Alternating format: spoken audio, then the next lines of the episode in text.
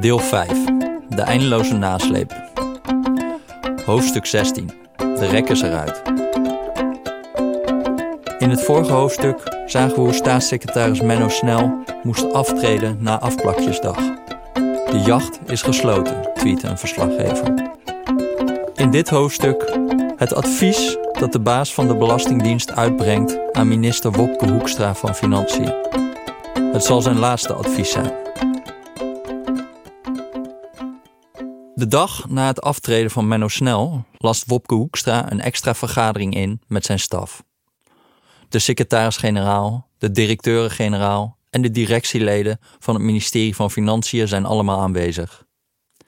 Hoekstra vraagt zijn topambtenaren om te reflecteren op de val van Menno Snel en welke gevolgen zijn politieke einde zou moeten hebben voor de Belastingdienst.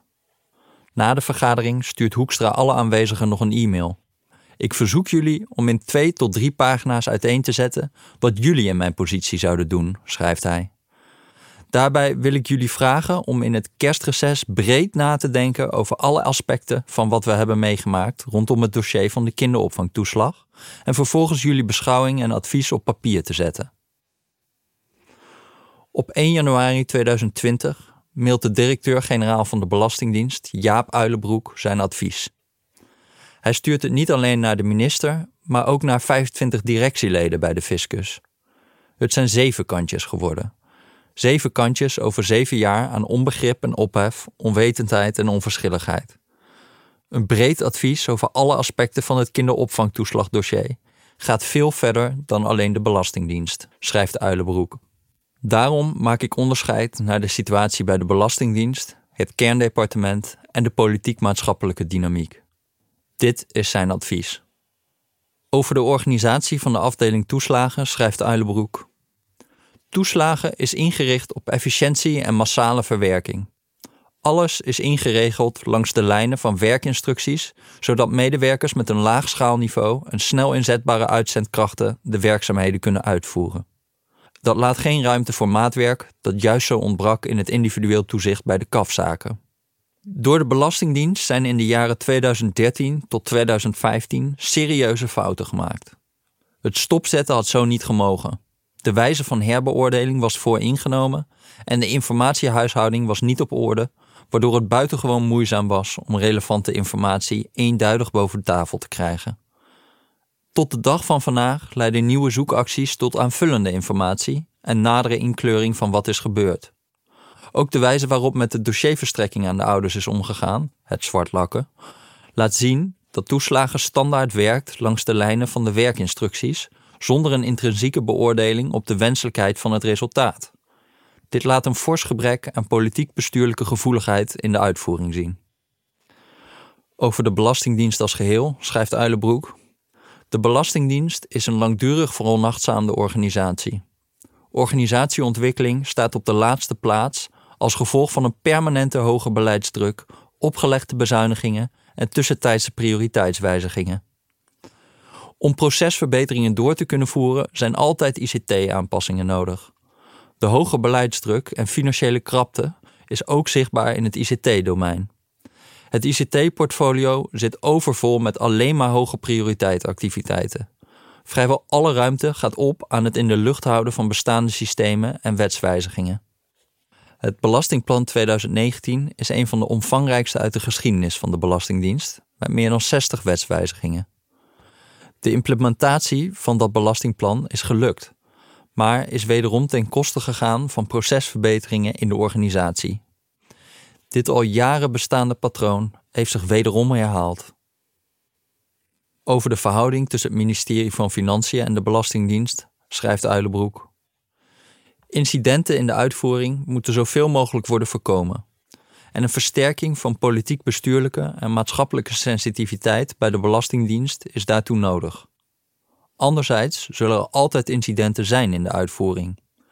Vervolgens gaat het erom hoe daarmee bestuurlijk wordt omgegaan. In spannende situaties is sprake van overnamegedrag door het kerndepartement. Dat leidt ertoe dat sturing de facto buiten de Belastingdienst komt te liggen en volledig langs de lijnen van de kerndepartementoriëntatie plaatsvindt. specifiek op de kinderopvangtoeslagproblematiek, heeft dat ertoe geleid dat er geen oog was voor de bredere analyse van de ontwikkelingen bij toeslagen onder invloed van fraudezaken, zoals die in een later stadium door de adviescommissie Donner beschreven is. In de praktijk bepaalt een kleine groep rondom de staatssecretaris de politieke strategie vanuit met name mediaperspectief en geluiden die daar niet bij passen worden in de voorfase al verwijderd uit conceptbrieven, dan wel wordt het schrijven van de brief geheel overgenomen. Daarmee is een situatie ontstaan die weinig ruimte laat voor een strategische discussie met een open blik over hoe met het ontstane probleem om te gaan en is weinig ruimte voor ambtelijke tegenspraak. In het politieke debat is het niet gelukt de brede analyse van de adviescommissie over het voetlicht te krijgen en zijn derhalve de beleidsbepalers niet in beeld gekomen. Sociale zaken en werkgelegenheid, als beleidsverantwoordelijke voor de kinderopvangtoeslag, heeft vrijwel geen rol van betekenis gespeeld in het hele traject. De vraag is of met het aftreden van de staatssecretaris ook voldoende maatschappelijke genoegdoening is gegeven. In het maatschappelijk debat is de brede analyse van de adviescommissie nog niet geland en nog heel veel individuele zaken zullen worden voorgedragen voor herbeoordeling. Tot slot geeft directeur-generaal Uilenbroek de minister enkele niet mis te verstaande adviezen over de omgang met de Belastingdienst. Het herstellen van de jarenlang veronachtzaamde uitvoering kost tijd. En het is belangrijk dat daar ook politiek de ruimte voor wordt gemaakt. Nieuwe interventies leiden ertoe dat wat in gang is gezet niet wordt afgemaakt, waardoor de problemen eerder groter dan kleiner worden. De fraudeaanpak van kinderopvangtoeslag zet het beeld neer van een chaotische en onbetrouwbare belastingdienst waarvan alles fout gaat. Deze zaak zet de toon en geeft richting aan hoe over de dienst wordt gedacht op een wijze dat medewerkers zich schamen voor de organisatie en men terughoudend wordt met fraudebestrijding. Deze zaak roept anno nu interventies op voor de hele Belastingdienst op basis van constateringen bij toeslagen over de jaren 2013 tot 2015, terwijl sinds 2016 sprake is van een andere werkwijze bij toeslagen en sinds 2017 veel stappen zijn gezet met de Belastingdienst. De geschiedenis van toeslagen leert dat de sterke politieke en media-aandacht op zaken die niet goed gaan, niet tijdig betalen, fraudezaken zoals de Bulgarenfraude, kinderopvangtoeslagproblemen van nu, tot sterke interventies leiden die weer enkele jaren later anders worden beoordeeld. De balans raakt zoek in het heen en weer schieten tussen dienstverlening en handhaving. Het gaat om de juiste maatvoering hierin en dit dilemma delen met alle betrokkenen, juist ook in het verkeer met de Tweede Kamer. Wees zuinig op de dienst en ga er prudent mee om, schrijft Jaap Uilenbroek tot slot. De rek is er namelijk uit. Het zal het laatste advies van Uilenbroek blijken. Op 10 januari kopt RTL Nieuws. Hoogste baas Belastingdienst weggestuurd om toeslagenaffaire. Pieter Klein en Stefan Kolen schrijven op basis van goed ingevoerde Haagse bronnen dat de positie van Uilenbroek al langere tijd wankelde vanwege de gebrekkige afhandeling van de affaire. De volgende dag zit Wopke Hoekstra bij Buitenhof. Wat gaat er met het ambtenarenapparaat gebeuren? vraagt de interviewer Rob Trip aan de minister. Gaat er bijvoorbeeld nog strafrechtelijk onderzoek komen? Hoekstra. Ik heb daar geen aanwijzingen voor. Maar de Kamer heeft in de debatten met Menno Snel wel duidelijk gezegd: wij willen meer weten van wat daar gebeurd is. Trip. En klopt het, wat diverse media vandaag melden, dat de directeur die nu weg is, dat hij de nieuwe gemeentesecretaris van Den Haag wordt? De NOS heeft de avond ervoor in een bijzin gemeld dat Uilenbroek een baan krijgt bij de gemeente Den Haag. In de lokale politiek ontstond onmiddellijk ophef over zijn komst. Den Haag als opvangplek voor falende topambtenaren, terwijl we als stad al onder het vergrootglas liggen, actualiteitendebat aangevraagd, twitterde Leslie Arp, de lokale fractievoorzitter van de SP. Dit geloof je toch niet, tweette SP-leider Lilian Marijnissen naar aanleiding van het bericht. En je dan nog afvragen hoe het toch kan dat mensen cynisch worden en het vertrouwen in instituties verliezen. In Buitenhof wordt Hoekstra duidelijk overvallen door de vraag van Trip. Ik ga niet over wat hij nog doet, sowieso. Trip. Maar u gaat dat wel horen in de Kamer, want die is daar nu ook al erg kritisch op. Daar zijn mensen die dit horen die dit totaal niet begrijpen. De directeur van de Belastingdienst, waar dit allemaal is gebeurd, die krijgt meteen weer een mooie baan. Hoekstra, ik zou toch nog iets willen zeggen. Het gesprek dat wij nu hebben heeft wel iets ingewikkelds. Niet alleen heeft deze man ontzettend hard zijn best gedaan en heeft hij ook een heleboel gerealiseerd in deze periode. Maar we leven in Nederland in een situatie waarin de politiek, dat ben ik, zich moet verweren in de Kamer en bij u over wat er goed gaat en wat er misgaat. Ambtenaren kunnen zich niet verdedigen. Trip. Goed, daar gaan we dus niet veel over horen. Later die week zal de Telegraaf koppen: Draaideur maakt topambtenaar onaantastbaar. Een paar dagen later wordt duidelijk dat Uilenbroek de baan als gemeentesecretaris van Den Haag vanwege de ophef niet krijgt. Het interview van Rob Trip met de minister bij Buitenhof gaat ook over een ander nieuwsfeit. Trip, dit weekend lekte uit dat de directeur opstapt. Nu blijkt ook dat de hele Belastingdienst wordt gereorganiseerd. De douane en toeslagen komen apart te staan. Is dat het grote antwoord op de toeslagenaffaire? Hoekstra. Nou, het is een onderdeel van het antwoord. Ik vind het ontzettend belangrijk om alles op alles te zetten om recht te doen aan die ouders. Maar om het daar niet bij te laten en om te bekijken wat er nou breder nodig is om toeslagen, douane en de Belastingdienst beter te laten functioneren. Ondanks het dringende advies van Uilenbroek om de Belastingdienst niet nog een reorganisatie aan te doen, wil Hoekstra de Belastingdienst opsplitsen in drie aparte onderdelen: toeslagen, douane en Belastingdienst. Twee dagen eerder heeft hij zijn ambitieuze plan in de ministerraad gepresenteerd. Het is een plan dat eigenlijk al anderhalf jaar in de week ligt op het ministerie.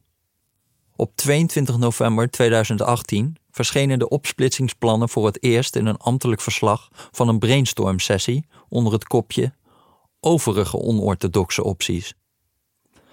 Het was vanuit het kerndepartement bezien geen gek idee om de optie te verkennen. De Belastingdienst is een vulkaan die ophef uitspuwt en nu moet één directeur-generaal dat hele terrein bestrijken. Knip zijn takenpakket op, schreven de ambtenaren, en maak de Belastingdienst beheersbaar, aanstuurbaar en voorspelbaar. In het najaar van 2018 waren de plannen doodgebloed. Onorthodoxe optie werd naar de middellange en lange termijn geschoven. Maar vlak na het debat over de toeslagenaffaire in juli 2019 werden de plannen weer uit de ijskast gehaald. Minister Wopke Hoekstra en staatssecretaris Menno Snel vroegen om een onderzoek, de eerste stap van elk politiek besluit, naar het opsplitsen van de Belastingdienst. Bij de fiscus was er weinig enthousiasme. In een presentatie op 24 september 2019 zette Jaap Uilenbroek uiteen waarom een onderzoek zijns inziens nogal een beroerd idee was. Er waren al zoveel initiatieven opgestart en weer afgekapt. De brede agenda uit 2014, de investeringsagenda uit 2015, de herijkte investeringsagenda uit 2017, beheerst vernieuwen uit 2018, beheerst vernieuwen zichtbaar beter uit 2019. Met een opsplitsing zou de Belastingdienst weer jaren zoet zijn, wat het moeilijk maakte om stap voor stap praktische verbeteringen door te voeren. Het zou bovendien waanzinnig ingewikkeld zijn om de afdeling toeslagen los te weken van de rest van de Belastingdienst. Bijna 15 jaar lang luidde de opdracht om toeslagen zoveel mogelijk te integreren in de organisatie en zo geschiedde. Er waren allerlei onderlinge afhankelijkheden ontstaan in de invordering, in het contact met burgers en vooral in de ICT, afhankelijkheden die zich niet makkelijk lieten terugdraaien. Maar Jaap Uilenbroek stond alleen met zijn bezwaren.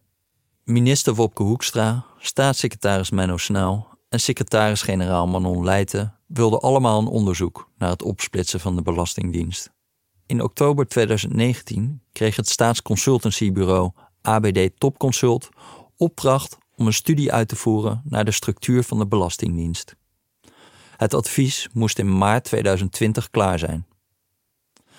Na het opstappen van Menno Snel zijn de opsplitsingsplannen in een stroomversnelling gekomen. Waar Uilenbroek vooral rust adviseerde, daar adviseren de topambtenaren van het kerndepartement juist daadkracht. Door verschillende leden van de staf wordt geadviseerd om de Belastingdienst te ontvlechten en het onderzoek hiernaar te versnellen en prioriteit te geven, al dus een samenvattend memo. De eerdere verbetertrajecten binnen de Belastingdienst hebben volgens deze topambtenaren te weinig opgeleverd. Het heeft nog niet geleid tot een beheersbare organisatie met minder incidenten, stelt het memo van het Bureau Advies en Ondersteuning, dat aangestuurd wordt door de secretaris-generaal. Ongeschreven regel nummer 2 van het ministerie speelt opnieuw op. Maak gebruik van incidenten. Na het kerstreces wordt de onderzoekers gevraagd om nog rapper met hun bevindingen te komen. Zo kan het gebeuren dat ABD Topconsult al op 6 januari 2020 zijn voorlopige conclusies aan de minister presenteert. Het advies is niet direct afwijzend over de opsplitsingsplannen, maar plaatst ernstige kanttekeningen die verder onderzoek behoeven.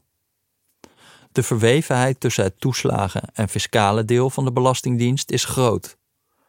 Snel en geheel losmaken van de Belastingdienst geeft grote risico's voor de dienstverlening aan burgers, aldus de auteurs. Bovendien, constateren de consultants, ligt er nog een stelselwijziging in het verschiet. De hele Tweede Kamer heeft na het debat van 4 december voor een motie gestemd om naar alternatieven voor het toeslagenstelsel te zoeken. Nu helemaal losknippen van de Belastingdienst en later na een stelselwijziging de uitvoeringstaken vermoedelijk fundamenteel aanpassen, betekent twee keer fors reorganiseren.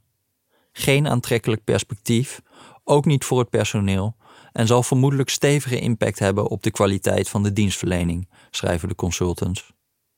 Pas op 15 januari, een dag nadat de ministerraad heeft ingestemd met Hoekstra's plan om de Belastingdienst te reorganiseren, ontvangt de Tweede Kamer het advies van ABD Topconsult. Nadrukkelijk geven wij aan dat het om tussentijdse bevindingen gaat, waarbij een aantal zaken nog dieper moet worden uitgezocht, bijvoorbeeld op het gebied van delen van voorzieningen bij ontvlechting, schrijven de onderzoekers. Een dag eerder, op 14 januari, is Renske Leijten niet te spreken over het buitenhof-interview van minister Hoekstra. De toeslagenaffaire is een opeenstapeling van machtsmisbruik, ambtsmisdrijf en plichtsverzuim, zegt ze tijdens het vragenuur in de Tweede Kamer. Ik begrijp niet dat de minister bij Buitenhof zegt dat hij geen aanwijzingen heeft dat er strafbare feiten zijn gepleegd. Hoekstra toont zich begripvol. We zitten in een situatie dat Kamerleden zeggen: let op, er is mogelijk in strafrechtelijke zin iets aan de hand. Ik heb die indicaties niet, zegt hij. Waar Menno Snel altijd de deur dicht hield voor een strafrechtelijk onderzoek naar ambtenaren, daar zet Hoekstra de deur nu toch op een kier. Ik zal nog een second opinion vragen aan een buitenstaander, iemand van groot kaliber, die van buiten naar binnen kijkt, of de informatie die ik nu heb en hopelijk nog zal krijgen, aanleiding is om nog andere stappen te ondernemen. Op 20 januari 2020 voeren premier Mark Rutte en minister Hoekstra gesprekken met ouders in het evenementencentrum De Broodfabriek in Rijswijk.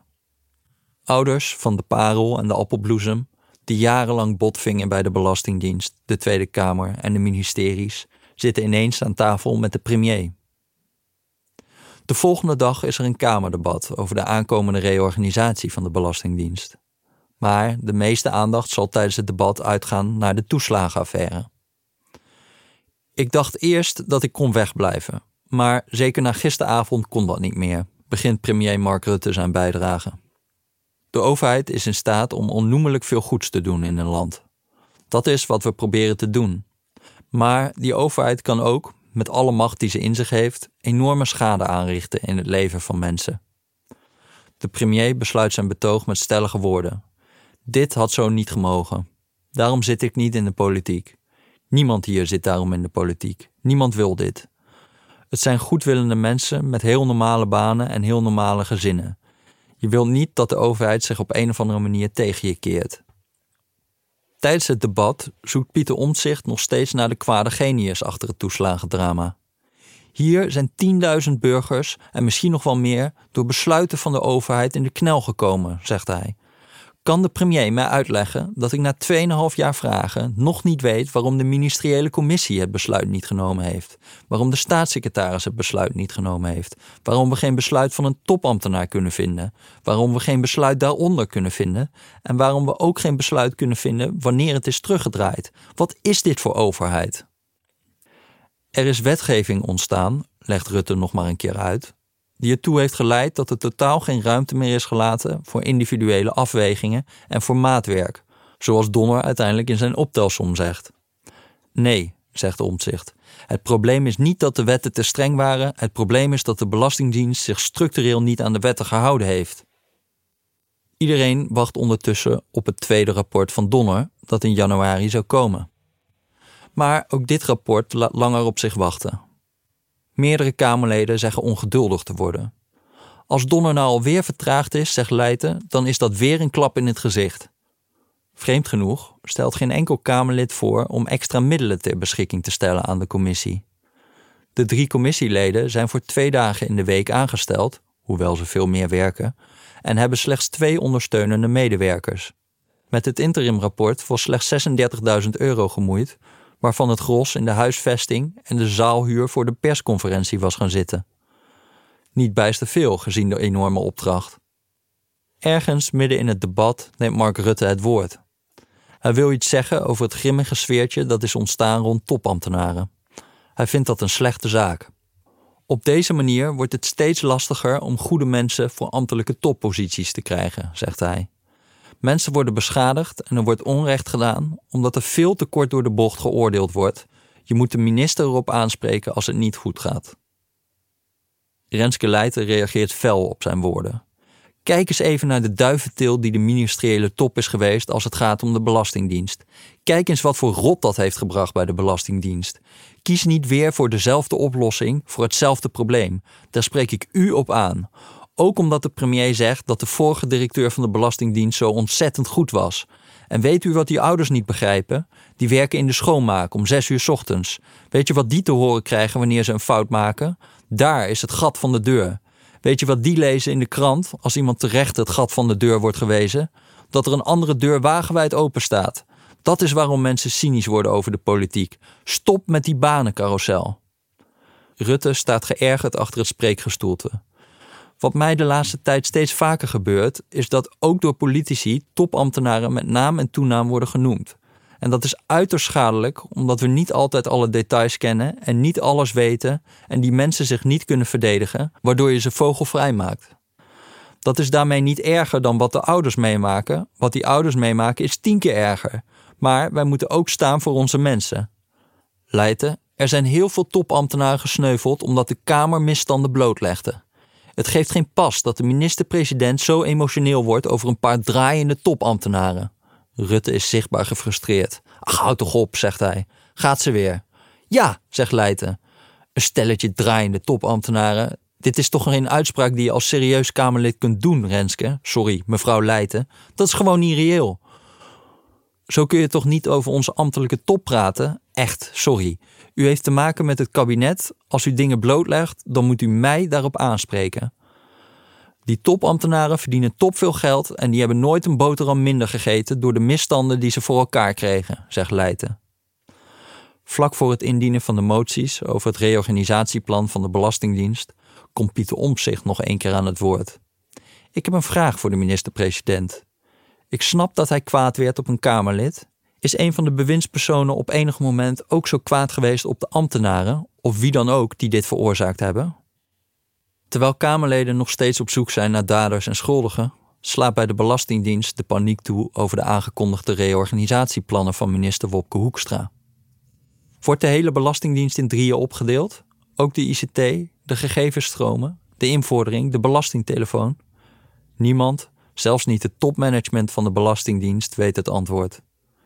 De berichtgeving heeft de MT-leden overvallen, staat op 13 januari 2020 in het vergaderverslag van het managementteam van de afdeling Centrale Administratieve Processen, het dienstonderdeel dat verantwoordelijk is voor het versturen en ontvangen van blauwe brieven en het verzorgen van betalingen. Er leven veel vragen over hoe de splitsing in te delen. Dat de toeslagenaffaire, een groot probleem bij een klein onderdeel van de dienst, nu leidt tot een reorganisatie van de gehele Belastingdienst, zorgt voor verbijstering. Het beeld dat geschetst wordt van de Belastingdienst in de media is erg negatief. Dat we te maken hebben met een omvangrijke, complexe en politiek gestuurde organisatie waar heel veel goed gaat, komt onvoldoende voor het voetlicht. Tegengeluid wordt gemist, staat in het vergaderverslag. 10 februari 2020 sturen de negen ondernemingsraden van de verschillende dienstonderdelen van de Belastingdienst een brief aan minister Hoekstra waarin het dringende advies van Uilenbroek nagalmt. De leden van de ondernemingsraden uiten hun ongenoegen over de voorgenomen ontvlechting. Majeure wijzigingen in de organisatie hebben sinds 2005 een sterke wissel op het functioneren van de Belastingdienst getrokken. Wij verwachten daarom dat dit in de komende periode ook het geval zal zijn en de Belastingdienst de komende jaren verder onder druk zal komen te staan. Ze zien, gezien de vervlechting van toeslagen en belastingen, ook niet zo goed voor zich hoe dit er precies uit moet zien. De ondernemingsraad van de dienst Informatievoorziening, de ICT-afdeling van de Belastingdienst, stuurt op 12 februari een aparte brandbrief naar de minister. De ICT van de Belastingdienst in drieën knippen is ondoenlijk, luidt kort gezegd de boodschap. Informatievoorziening levert al decennia lang vrijwel de volledige ICT-dienstverlening voor de gehele Belastingdienst, inclusief de douane en toeslagen, schrijft de ondernemingsraad. In de loop van de tijd is een grote verwevenheid ontstaan tussen de applicaties van deze diensten. Om u een idee te geven van de complexiteit, informatievoorziening beheert meer dan duizend applicaties. Tussen verschillende dienstonderdelen zijn deze applicaties met elkaar verbonden. Maar zelfs de zachte ontvlechting, waarbij niet de hele Belastingdienst in drieën wordt geknipt, maar alleen de baas van de Belastingdienst wordt vervangen door drie bazen: één directeur-generaal toeslagen, één directeur-generaal belastingen, één directeur-generaal douane, roept vragen op. Wie bepaalt de ICT-prioriteiten? Wie beslist welke ICT ontwikkeld zal worden? De briefschrijvers ronden af. Wij vragen u dringend om de geluiden van de werkvloer mee te nemen en te wegen in uw besluitvorming.